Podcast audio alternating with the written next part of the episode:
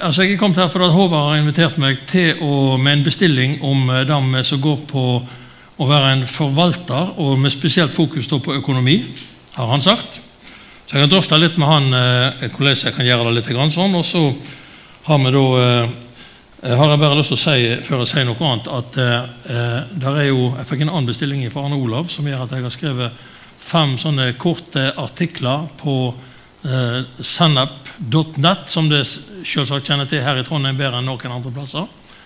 Eh, og så Der ligger det eh, fem sånne små artikler som jeg har skrevet, og så har Terje skrevet en veldig god artikkel. Den har jeg lest to ganger.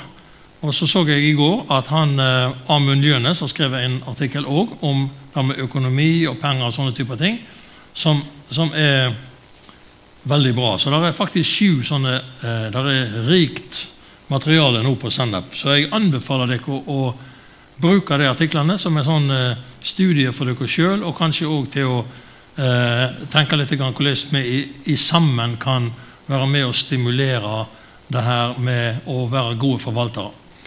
Eh, selv om vi har et fokus på økonomi, så dreier jo ikke dette forvalterskapet seg bare om økonomi.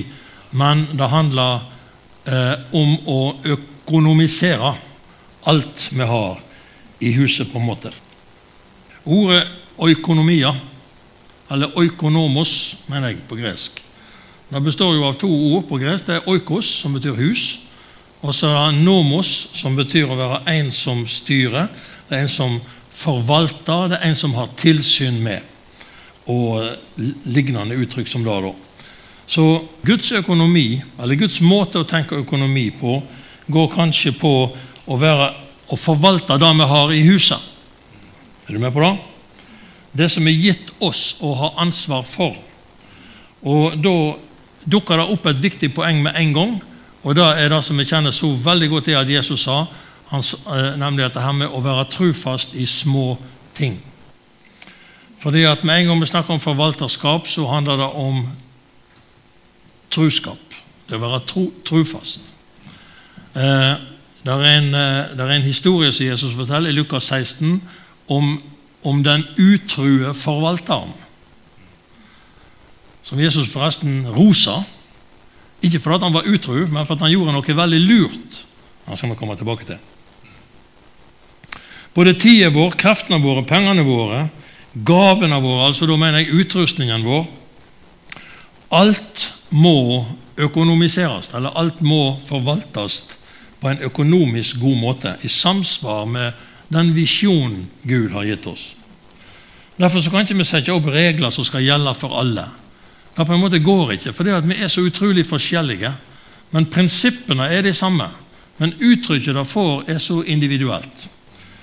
Og eh, vi må på en måte leve det som populært heter indre styrt. Altså Vi må leve ut ifra den visjonen Gud har gitt oss, men så må vi samtidig vokte oss for at ikke disse verdens prinsipp eller krefter kommer inn og forstyrrer den måten å leve raust på som Gud vil vi skal leve etter. Fordi at Selv om vi er forskjellige, så er det noen ting som alltid vil være det samme for oss alle sammen. Og En av de tingene er at det her, at det som Jesus sier i Matteus 6,21, han sier at der skatten din er, der vil også hjertet ditt være. Så Det er en sammenheng mellom det, det vi gir vel å gi verdi, og det hjertet vårt ender opp med å være. Og kan du si, Ut ifra hjertet så, så, kan vi tenke at, at, at kjærligheten vår til til ting. sant? vi snakker om det her med eh, eh, her så Et av brevene i eh, Johannes' åpenbaring han snakker om at, at, vi må, at vi har, det er noen her som har forlatt den første kjærligheten. Altså den kjærligheten de setter på førsteplass i livet sitt. Eh, den har gått ifra Gud og til noe annet. Og det, det, Verden er full av sånne ting som kommer og forstyrrer det at Gud er på denne førsteplassen i vår kjærlighet. Derfor så er det veldig viktig for oss alle sammen at, å forstå at der skatten vår er, der er òg hjertet vårt. Eh, det som gjelder også for alle sammen, er at vi må lære å passe oss for materialismen.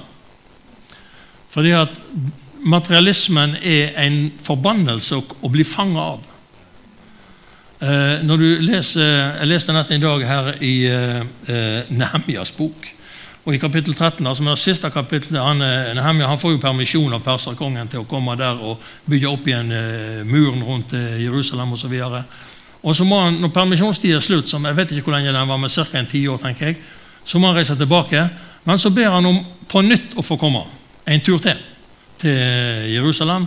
Og da har det fatale skjedd at veldig mange av disse tingene som han la grunnlaget for første gangen han var der. Da har de folket vendt seg tilbake.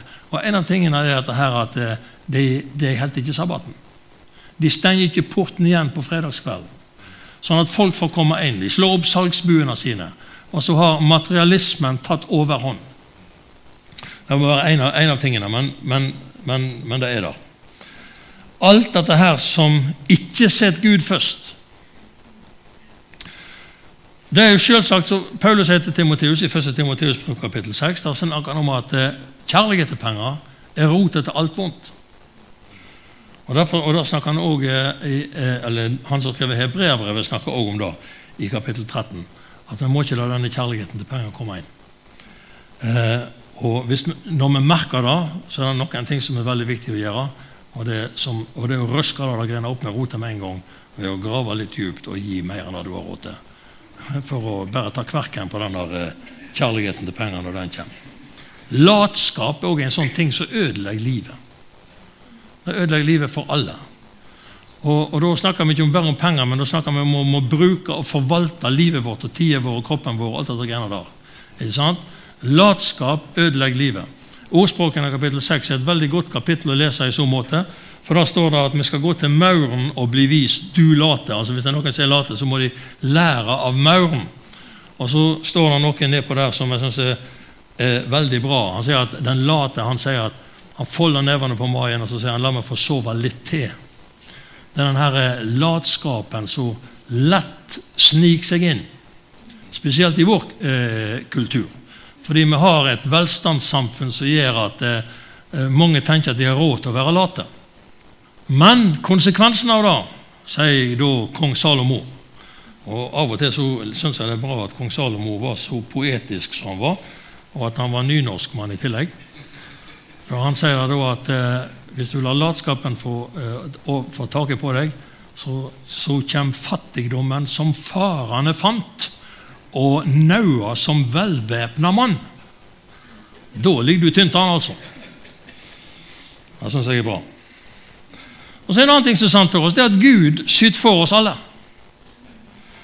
Han gir oss både såkorn til å så og brød til å ete. I andre kor 9.10 sier Paulus der at Gud gir oss såkorn til å så, og han gir oss brød til å ete. Og Bibelen lærer oss at Gud, Gud tar ikke bare ansvar for de rettferdige, men han er god mot de urettferdige òg. skal vi komme litt tilbake til. Men vi må Altså, litt, av, litt, av, poenget med dette er at, at hvis vi skal være gode forvaltere, så må vi kjenne Gud som en god forvalter. Og vi, vi, vi må kjenne Gud sånn som Gud er. For Uten så kan ikke vi leve ut ifra den visjonen vi har. Vi må leve Guds rikes kultur, og ikke verdenskultur eller samfunnskultur, men vi må leve ut Guds rikes kultur. Og den er forma av Gud, og ikke av samfunn. Ikke av, ikke av, altså Guds, rike, Guds rikes kultur er ikke en norsk kultur. Det er ikke en afrikansk kultur, det er ikke en asiatisk kultur. Guds rike er Guds rikes kultur. Og den, kan, den må til slutt alle nasjoner og alle kulturer bøye seg inn under, for det er den eneste som er rett. Og vi må være Eller vi må forstå at vi sjøl er i Guds omsorg, f.eks. Vi er i Guds trygge hender. Han vil gi oss det vi trenger for å leve. Og han vil sørge for at vi har alltid har alt vi trenger. Ikke bare alt vi trenger, men overflod til all god gjerning. Altså brød til å ete, og så gir han også såkorn til å så i tillegg. Det finnes veldig gode prinsipp i Guds ord om å forvalte, som er fantastisk hjelp når vi først ser hvem Gud er, og vi lærer han å kjenne. En ting vi trenger å forstå om Gud, er at Gud er en giver. Det er bare sånn han er. Men fordi han er en giver, så er du òg en giver. Jeg, Altså, Vi må være givere. Vi, vi er det fordi at Gud er det. Fordi at vi har, vi har fått hans natur i oss. Derfor er det helt naturlig for enhver kristen som er født på ny, og har og lært Gud å kjenne, det at han gir. Og gir. Og gir. Og gir. Er du med? Hvor står det i Bibelen at Gud gir fordi han er kjærlighet? Det står i Johannes 3, 16. At for så høyt elsker Gud verden at han gav. Gud er kjærlighet. Han kan aldri slutte å være kjærlighet. Gud, Gud kan ikke forandre seg sjøl. Fordi at han er per definisjon uforanderlig. Og Hvis Gud begynner å forandre seg og får en annen natur enn den han opphavlig hadde, så er han ikke lenger den uforanderlige Gud. Sånn? Gud, Gud kan ikke forandres av omstendigheter. Derfor står det for i Bibelen også at om, et, om vi er truløse, så er Gud trufast. For han kan ikke fornekte seg sjøl. Han kan ikke slutte å være trufast for om alle andre er der. Sånn, det er, en, det er, en, umulighet med Gud, det at han kan forandre seg. Det, det fins ikke skiftende skugge eller forandring i han. Han er i går og i dag og til evig tid den samme. Punktum. Og han er en giver. Fordi han er kjærlighet, og han er en Gud som gir. Og uh, Vi treffer jo en kar i Bibelen som, som heter Sakkeus. Som jeg syns er en veldig interessant historie. for det at Når, når Sakkeus, som en, i utgangspunktet er en tjuv og en kjeltring, møter Jesus, så får han et møte med den Gud som gir. Og øyeblikkelig så er en reaksjon i han som gjør at Guds prinsipp begynner å gjelde for ham. Det er ikke bare en tilfeldig raushet som kommer over hans lippe når han sier at halvparten av alt jeg gir til de fattige. Og har tatt penger ifra noen, skal gi de fir, firdobbelt tilbake. Det er Guds ords prinsipp han begynner å følge. Fordi at Når han møter Gud, så får han, så får han en plutselig Guds trang til å hjelpe de fattige. Men Du kan ikke lese et ord i Det gamle testamentet altså det er klart at Alt som Sakkeus på sin tid kjente til av Skriftene, det var jo Det gamle testamentet. Det var det eneste de hadde da. Så han hadde forstått at Gud tok seg av enker, de farløse, de fattige. Lå alltid på Guds hjerte. Og med en gang det første han tenkte på, det var halvparten av alt jeg skal gi til de fattige. Og hadde han tatt noe fra noen, så var han motivert av Guds lov der og da Eh, nå er ikke dette sant om alt som blir stålet fra noen i, i loven, men eksempel, hvis du hadde stålet en sau eller dyr fra noen, og dette dyret blir funnet i livet, så skulle du betale tilbake dyret, men du skulle, men du skulle legge til fire andre dyr. Du skulle betale firdobbelt tilbake. Det er en del av Guds gjenreisingsprinsipp. ikke sant? Med at eh, du, du bare, Gud gir deg ikke bare tilbake det du mister, men han gir deg, han gir deg mer enn du mister. Og da hadde vi disse ofringene òg. Det, var en del offer som, skulle, som var spesielt beregna på, på uh, når en hadde synda uh, og en hadde gjort ting som krevde godtgjørelse. Uh, så, så, så gjaldt dette her. Det var, det var, ting som skulle legges til. Og i møte med Gud så blir Sakkeus en sånn Han får litt av Guds natur i seg, hvis man kan si det sånn. Ikke sant? Vet, det står der i, eh, i Johannesevangeliet at uh, kapittel 1 at vi så hans herlighet. Den, en herlighet som den enbårne sønn har ifra far sin, full av nåde og sanning. Og så står det to vers lenger nede av hans fylde har vi alle fått. Og I den nye oversettelsen i 2011 så står det av hans overflod har vi alle fått. Og det er nåde over nåde. Tienden, f.eks., er en sånn, en sånn prinsipp i Guds ord. Den har vært under angrep, og mange slags tåpelige angrep. Eh, av folk som siterer Bibelen, men som siterer feil Bibelen. Og så kommer påstander som f.eks. at det ikke står noe i Det nye testamentet om tienden. Så da foreslår jeg å lese Det nye testamentet. og du, kan du se. Det står ikke så helt lite om tienden i Det nye testamentet, faktisk. Og så ser de da at eh, mye av Det nye testamentet var skrevet for jødene, og ikke for oss. Og Paulus sa ingenting om tienden. Men Paulus sa noe om tienden. Det er bare at han bruker ikke ordet tiende, men han bruker det som kom inn til tempelet. Som skulle forsørge de som skulle arbeide med ordet. Så vi må ikke la oss lure av, av sånne ting som det der. Men jeg har lyst til at vi skal se på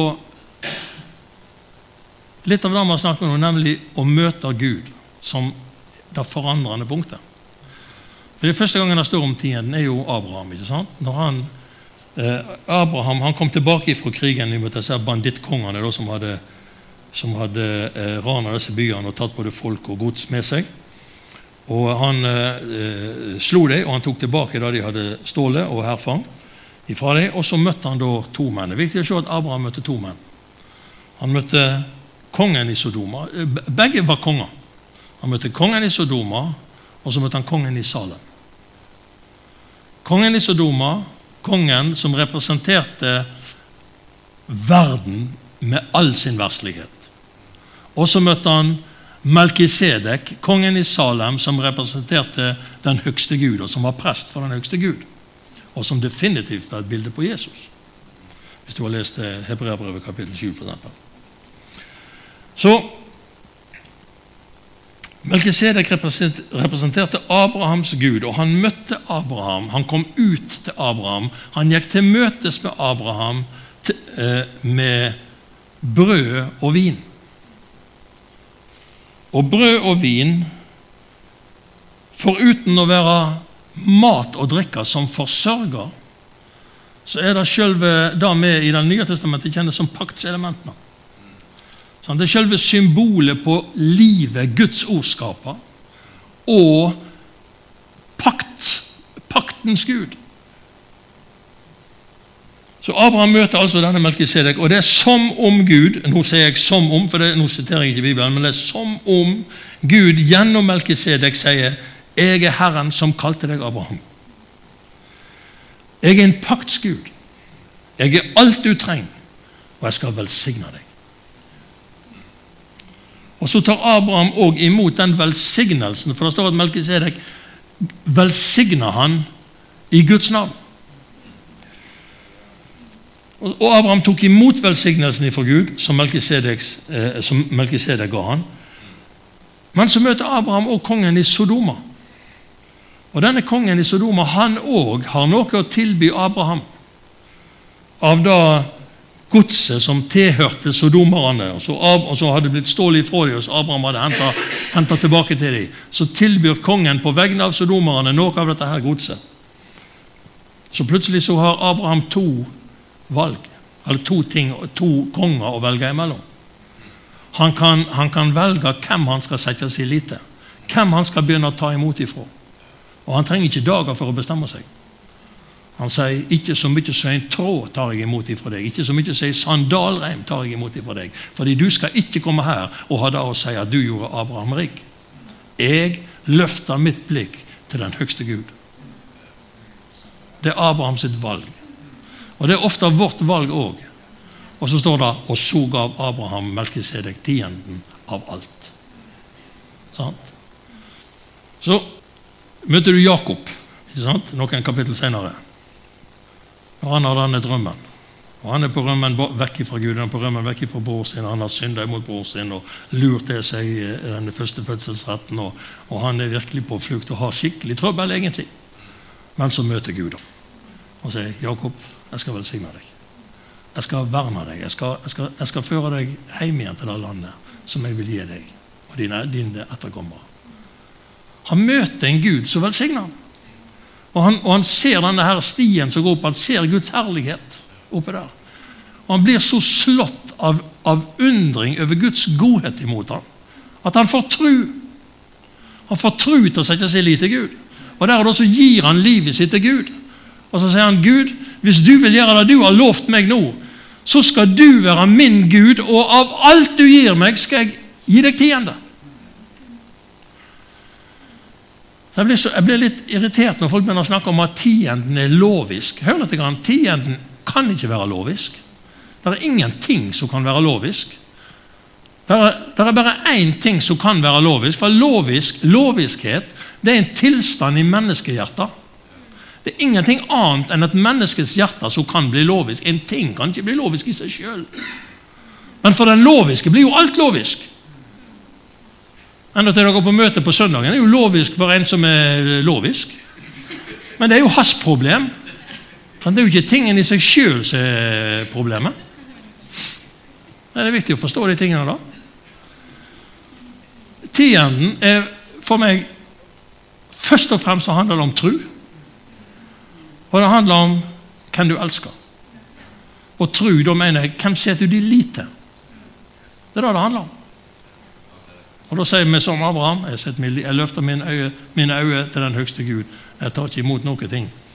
Denne, denne verden her har ikke noe å tilby meg av mine behov. Jeg setter min lit til Gud. Så hvem setter vi vår lit til? Hvem setter vi på førsteplassen i vår, i vår eh, fordeling av tillit? Hva stoler vi på når det gjelder framtida vår? Hvor er hjertet vårt, og hvor er skatten vår? Det er sånne spørsmål som vi alle må stille oss, og jeg tror ganske regelmessig òg. Fordi at eh, det ikke hjelper å gjøre seg opp i mening om det der én gang. Eh, jeg finner iallfall ut at det er sånn. Terje nevnte dette her at, eh, at vi hadde solgt gården vår og flytt og, og, og, og, sånt. Men det var én gang. Det går fint an å gro fast på en plass seinere. Jeg har måttet ha hatt oppgjør med meg sjøl i, i, de senere år og sagt at eh, har, jeg, har jeg grodd fast? Jeg har spurt meg sjøl spørsmålet har du, har, du, har du ført deg i en posisjon nå For jeg trives så utrolig godt på Sotra. Jeg føler jeg kunne ikke bodd noen bedre plass. Jeg, jeg, føler det, jeg er så velsigna av å bo der jeg bor. Å ha huset og fasilitetene der som jeg er. Og så må jeg tenke Nå er du i ferd med å gå fast nå. Så måtte jeg overgi til Gud og si Gud, alt er ditt. Ingenting tilhører oss som ikke tilhører deg. Så vi trenger å stille spørsmål regelmessig. I spørsmålet om skatt til keiseren så sier Jesus noe. Han sier at gi keiseren det som hører keiseren til, og gi Gud det som hører Gud til. Ikke sant? Og nå vil noen si at alt hører Herren til. Og på en måte er det helt riktig, på en annen måte så er det noen som sier at alt hører Herren til, for å nulle ut det som har med tienden å gjøre. Jeg har møtt sånne folk. Men det er likevel sant at alt hører Herren til. Inkludert meg og deg. Fordi vi er kjøpt, og prisen er betalt. Halleluja. Så alt vi er, alt vi eier, husene våre, bilene våre, alle pengene våre, alt som kommer inn, alt sammen tilhører Gud. Alt som ikke eier òg, tilhører Gud. Alt som i verden òg tilhører Gud. Gull og sølv hører meg til, sier Herren. Og En dag kommer han til å riste himmel og jord. Han kommer til å riste himmel og jord. Han kommer til å riste millionene ut av lommene på de rike for at de skal komme her. Til dette huset her. Det er det han sier i profeten Haggai. Men alt hører Herren til. Men vi snakker om tienden som hører Herren til. Og så snakker vi om resten som òg hører Herren til. Ja, hva er det da som hører oss til? Det er det som hører Herren til, som vi har fått ansvaret for å forvalte. Det er det som hører oss til. Så Forskjellen på tienden, som hører Herren til, og resten, som hører Herren til, det er at tienden har Gud ikke gitt oss ansvar Altså vår, min tiende har ikke, jeg gitt, har ikke han gitt meg ansvaret for å forvalte. Da har han bedt meg om å la gå inn i forrådshuset, sånn at det kan finnes mat i Guds hus. Disse 90 andre prosentene som han har gitt meg ansvaret for å forvalte, det har han gitt gode prinsipp for å forvalte. Altså Denne resten da, som også hører Herren til, da kan vi dele inn i flere områder. For det første så snakker Jesus om det som hører andre til. For Han sier de må være trufast med det som hører andre til. Det betyr ikke at, at ikke det òg hører Herren til. Men det betyr bare at i vår forvaltning så er det noe vi må gi til de det hører til, sånn at vi ikke kommer i skuld til andre mennesker. Sant? Har du lån på huset ditt, så må du sørge for at banken får det som hører banken til. Det er det som hører andre til. ikke sant?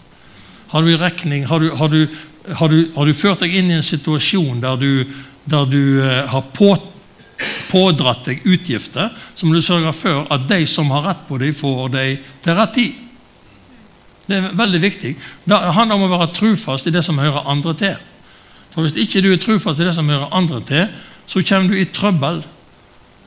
Hvis det er noen som har sett ett eller to program av Luksusfellen, så bør de vite alt om, om det. Jeg har sett på noen sånne programmer. Jeg snakket med et ungt par for en stund siden som sa at de hadde sittet og ledd av Det var noen som brukte 10 000 kroner måneden i mat. Og så har de sittet og ledd og rista på hodet. Hvor, hvor, går det an å bruke 10 000 kroner i mat for måneden? Og så, hadde, og så var en av de som hadde sagt det. Lurer på hvor mye vi bruker i mat for måneden. Og så har de begynt å sette ned og regne etter. og gått inn på bankutskriften og regnet. Så brukte de 13 000 i mat.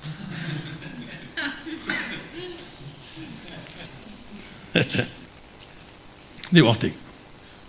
Men har du råd til det, så eh, er det jo bare snakk om en fordeling av eh, de pengene du har. ikke sant?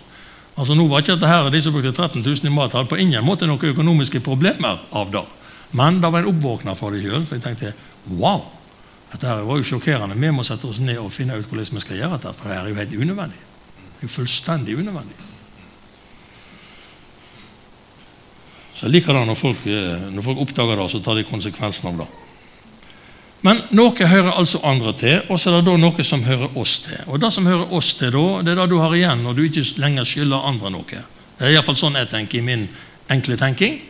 Og da tenker jeg at Det som hører meg til, det hører òg Herren til, selvfølgelig, for at alt hører Herren til. Men det som hører meg til, da, det er det som jeg trenger. Og da, Når han sier brød til å ete og såkorn til å så, i omvendt rekkefølge da, såkorn til å så og brød til å ete. Brød til å ete går på alt det som dekker mine og min familie sitt, sine behov. ikke sant? Mat og drikke, klær på kroppen og, og, og, varme i huset og alt det der som er elementære behov for oss. Men han gir oss òg såkorn til å så. Og Det er veldig dumt hvis vi et opp såkornet vårt og bruker alt vi har igjen, etter tiden er betalt, på brød til å ete. Det er veldig dumt. For da at, Jeg vet ikke om de dyrker mye poteter her oppe i Trøndelag, men i alle fall så gjør de det på Østlandet. Og når jeg vokste opp, så hadde vi alltid eh, rundt 1. mai så var det alltid tid for å sette potene i jordet. Potet, sier vi, vet du.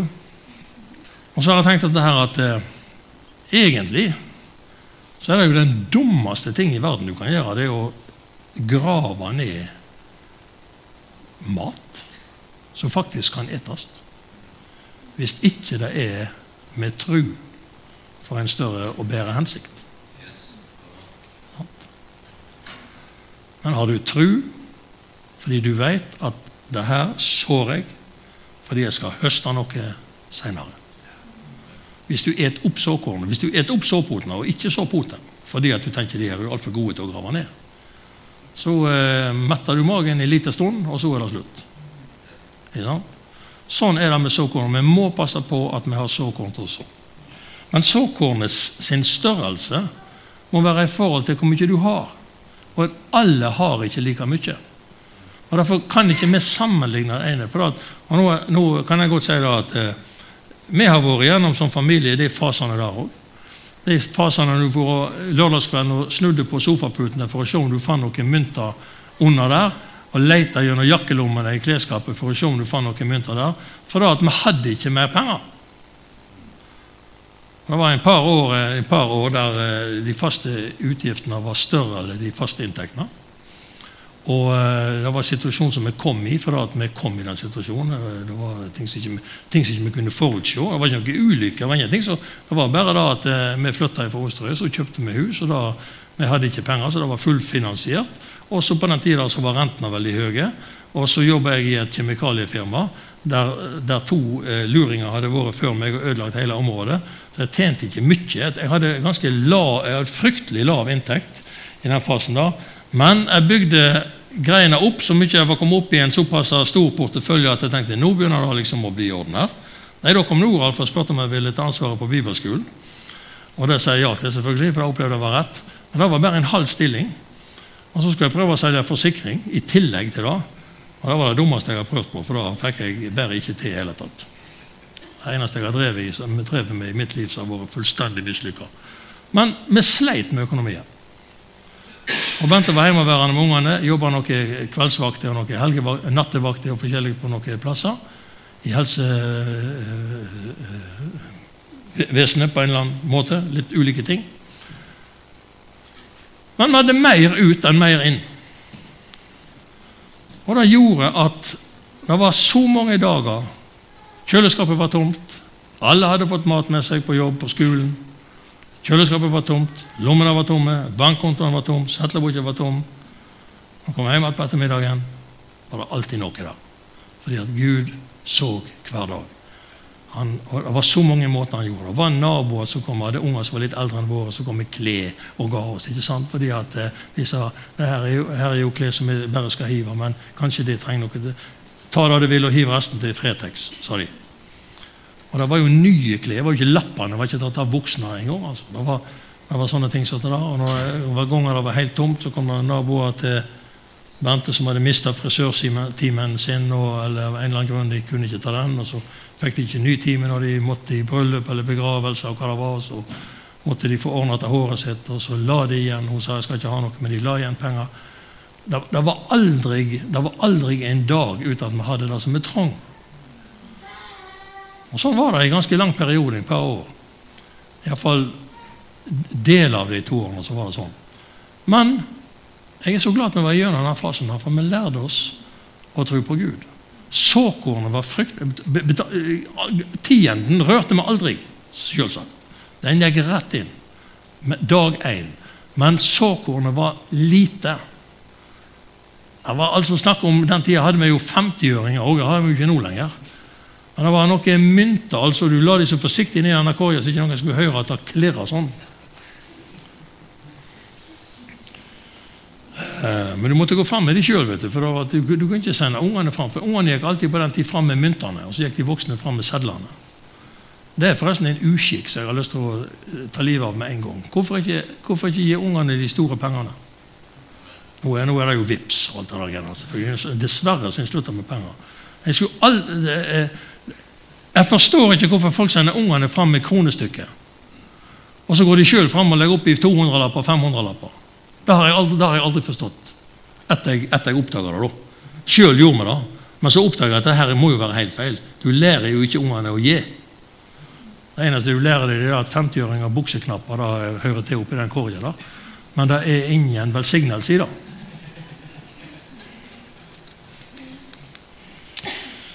Lignelsen som Jesus forteller i, eh, i Lukas 16, eh, om denne utrue tjeneren, da, den lærer oss hvor pengene Eller den gir oss et fantastisk fokus for å gi, nemlig til at mennesket skal bli frelst.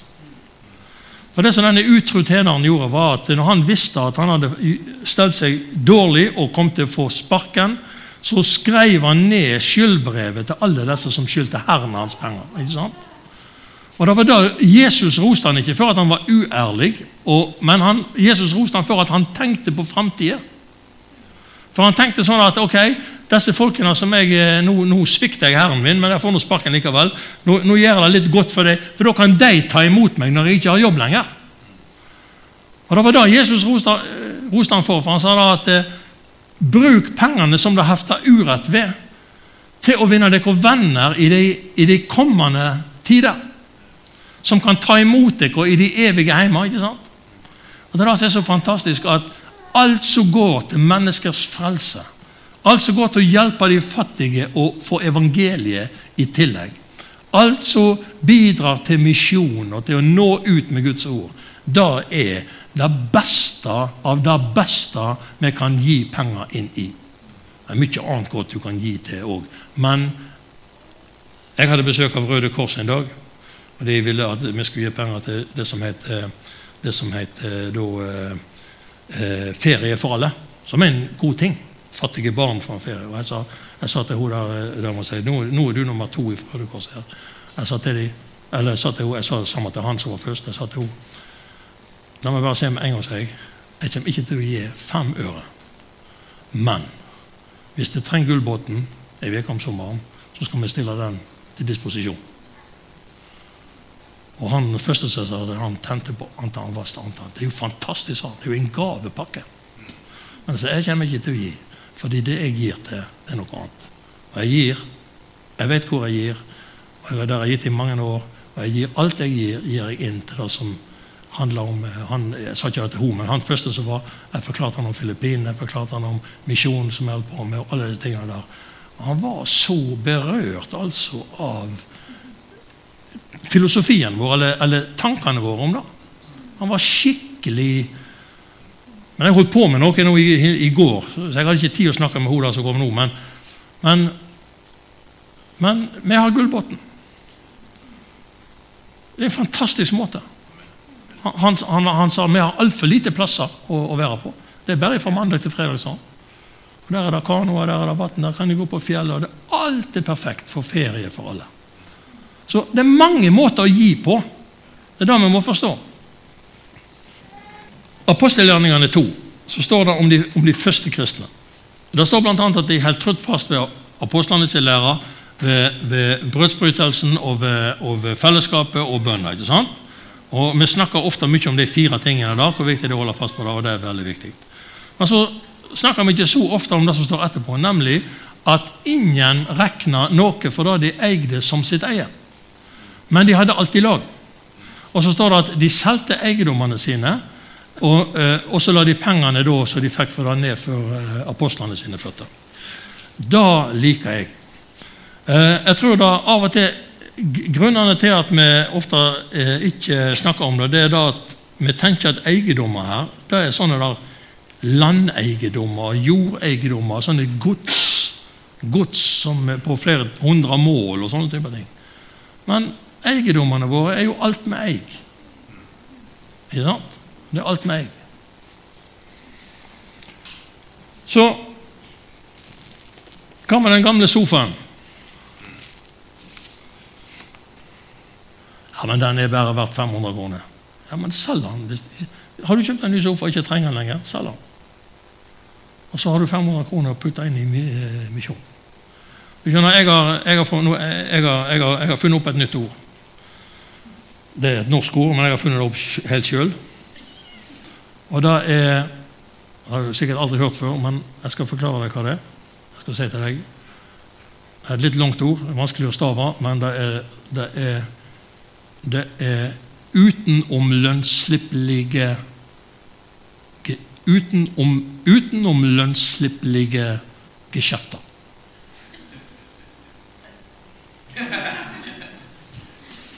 Det er altså eh, business du driver med uten, nei, Det er penger du kan gi utenom det som kommer over lønnsslippen din.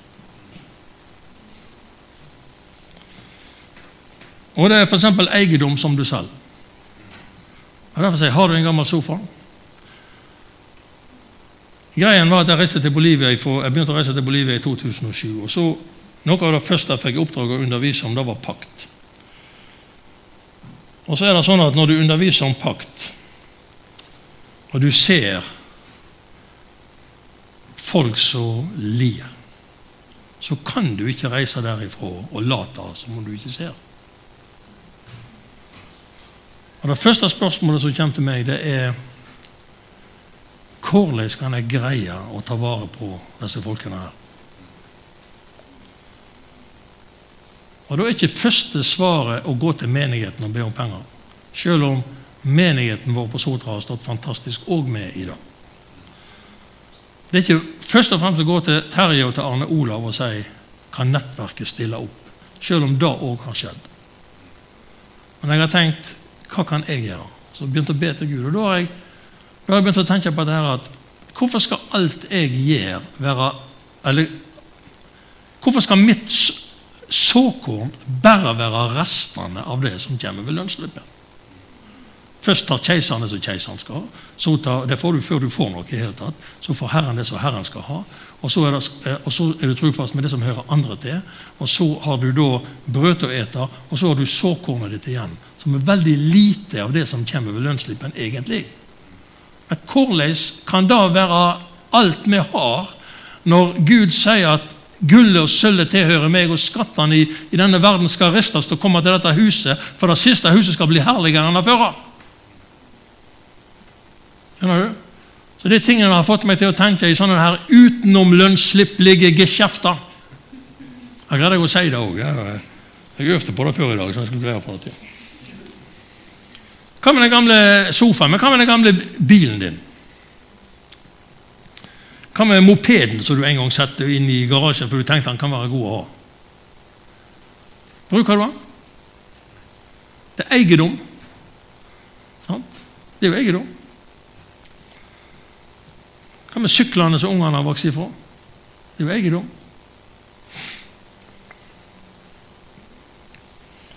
Stopp litt, sier du. De gamle syklene som ungene vokst ifra, de har vi gitt til andre unger i menigheten. Ja, det er jo fantastisk. Det er jo fantastisk. Men da har jo de spart penger. De har fått noe gratis. De som da har fått til syklene Hvis de hadde satt av 2000 kroner til å kjøpe sykler til ungene, og så har de fått noen gratis, så, de egentlig ikke hadde, så har de jo plutselig penger de kan gi. Det er sånn du må tenke. Fordi at jeg hjelper mange folk med Jeg kan ikke si jeg hjelper så fryktelig mange, for det er, måned, det er både uke og måned. Okay. Sånn, jeg hjelper en del folk med har, Min hobby det er, å, det er å skru uh, biler. Og Jeg har bygd meg en garasje. og jeg har, jeg har, Han er full av verktøy.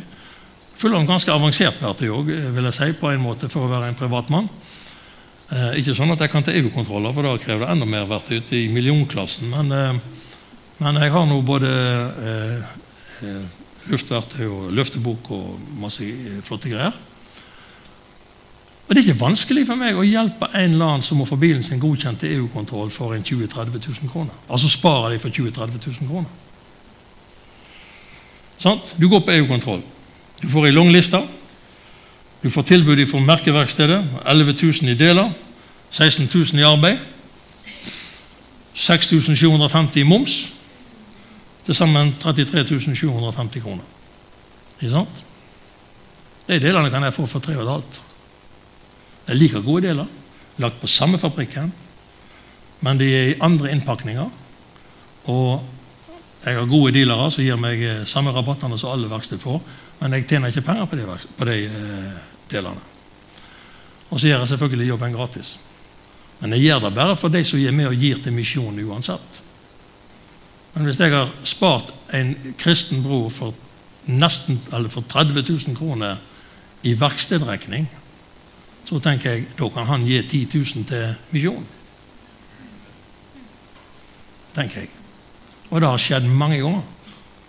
Mange ganger at folk har gitt 10 000 kroner til misjonen fordi at jeg har hjulpet dem å fikse denne bilen deres. Og jeg har faktisk fått en del biler òg, som jeg har fått. Den som jeg, den som jeg frigjorde mest penger for, den frigjorde 42 000 kroner for. Det var en god bror som sa at jeg har, eh, jeg har altfor mye biler. sånn. Og så var han blitt, han blitt syk, og en hadde tenkt å fikse. og Han sa, han, tenk, han sa at uh, han er ikke godkjent lenger, men jeg har ikke, jeg har ikke krefter til å fikse han lenger, for han har fått inn sykdom. Han var ute for ulykker òg.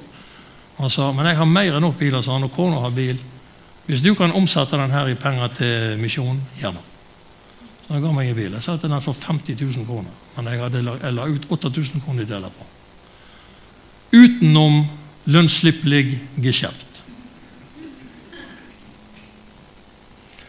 Naboen din har et hus som skal males.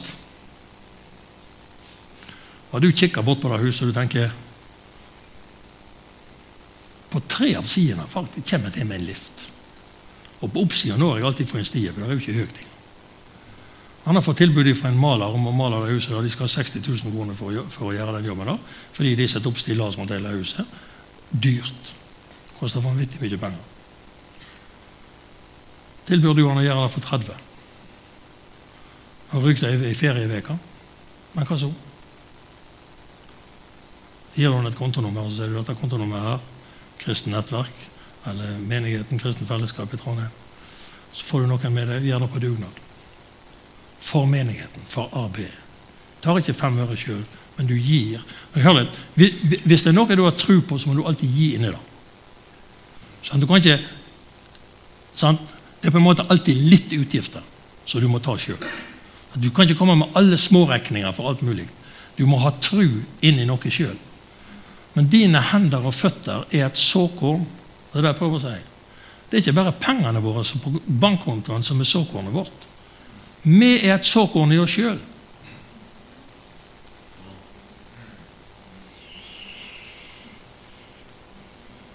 Så jeg, jeg, tenker sånn at alle de som ikke gir til misjonen likevel, de kan, de kan jo den, ta den viktige jobben med å holde liv i alle bilverkstedene rundt omkring, for de må jo òg leve. Så egentlig så tar jeg ifra samfunnet.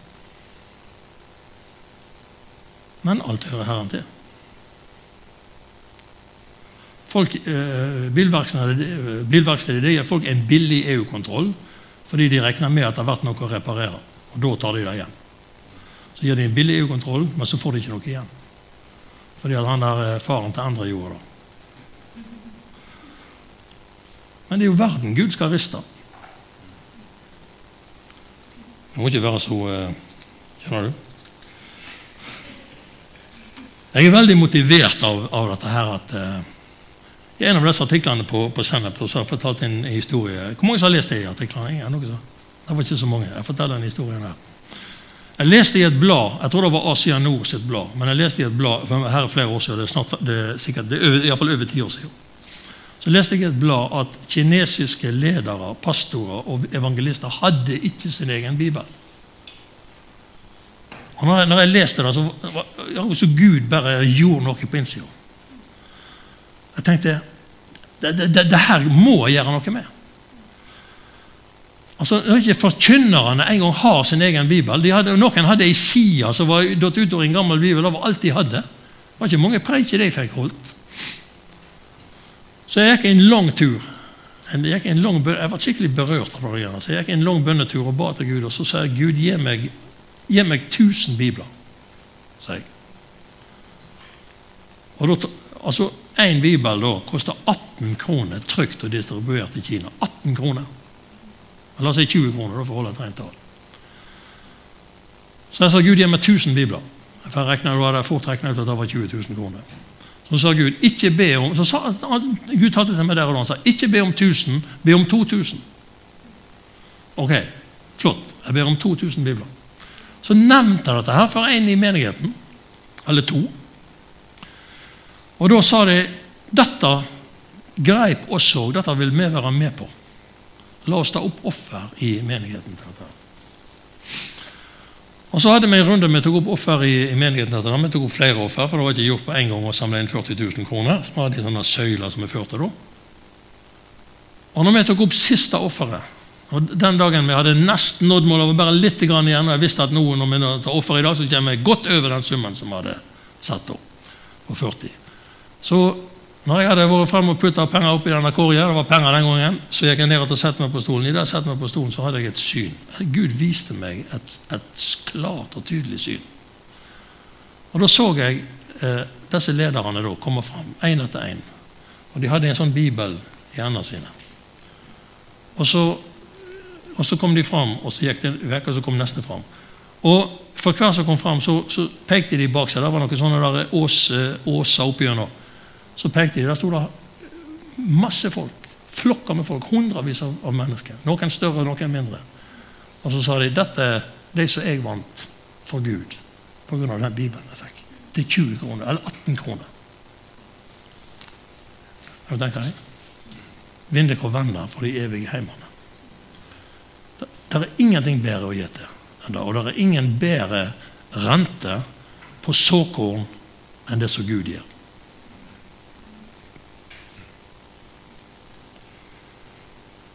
Bare pass på at du sår inn i områder som Gud velsigner. Ikke så inn i noe som Gud ikke velsigner. Fordi det er noen følelser i sving. Men så der som Gud velsigner. Da vil såkornet være velsigna. Og forvent at du skal høste. Forvent at du skal høste.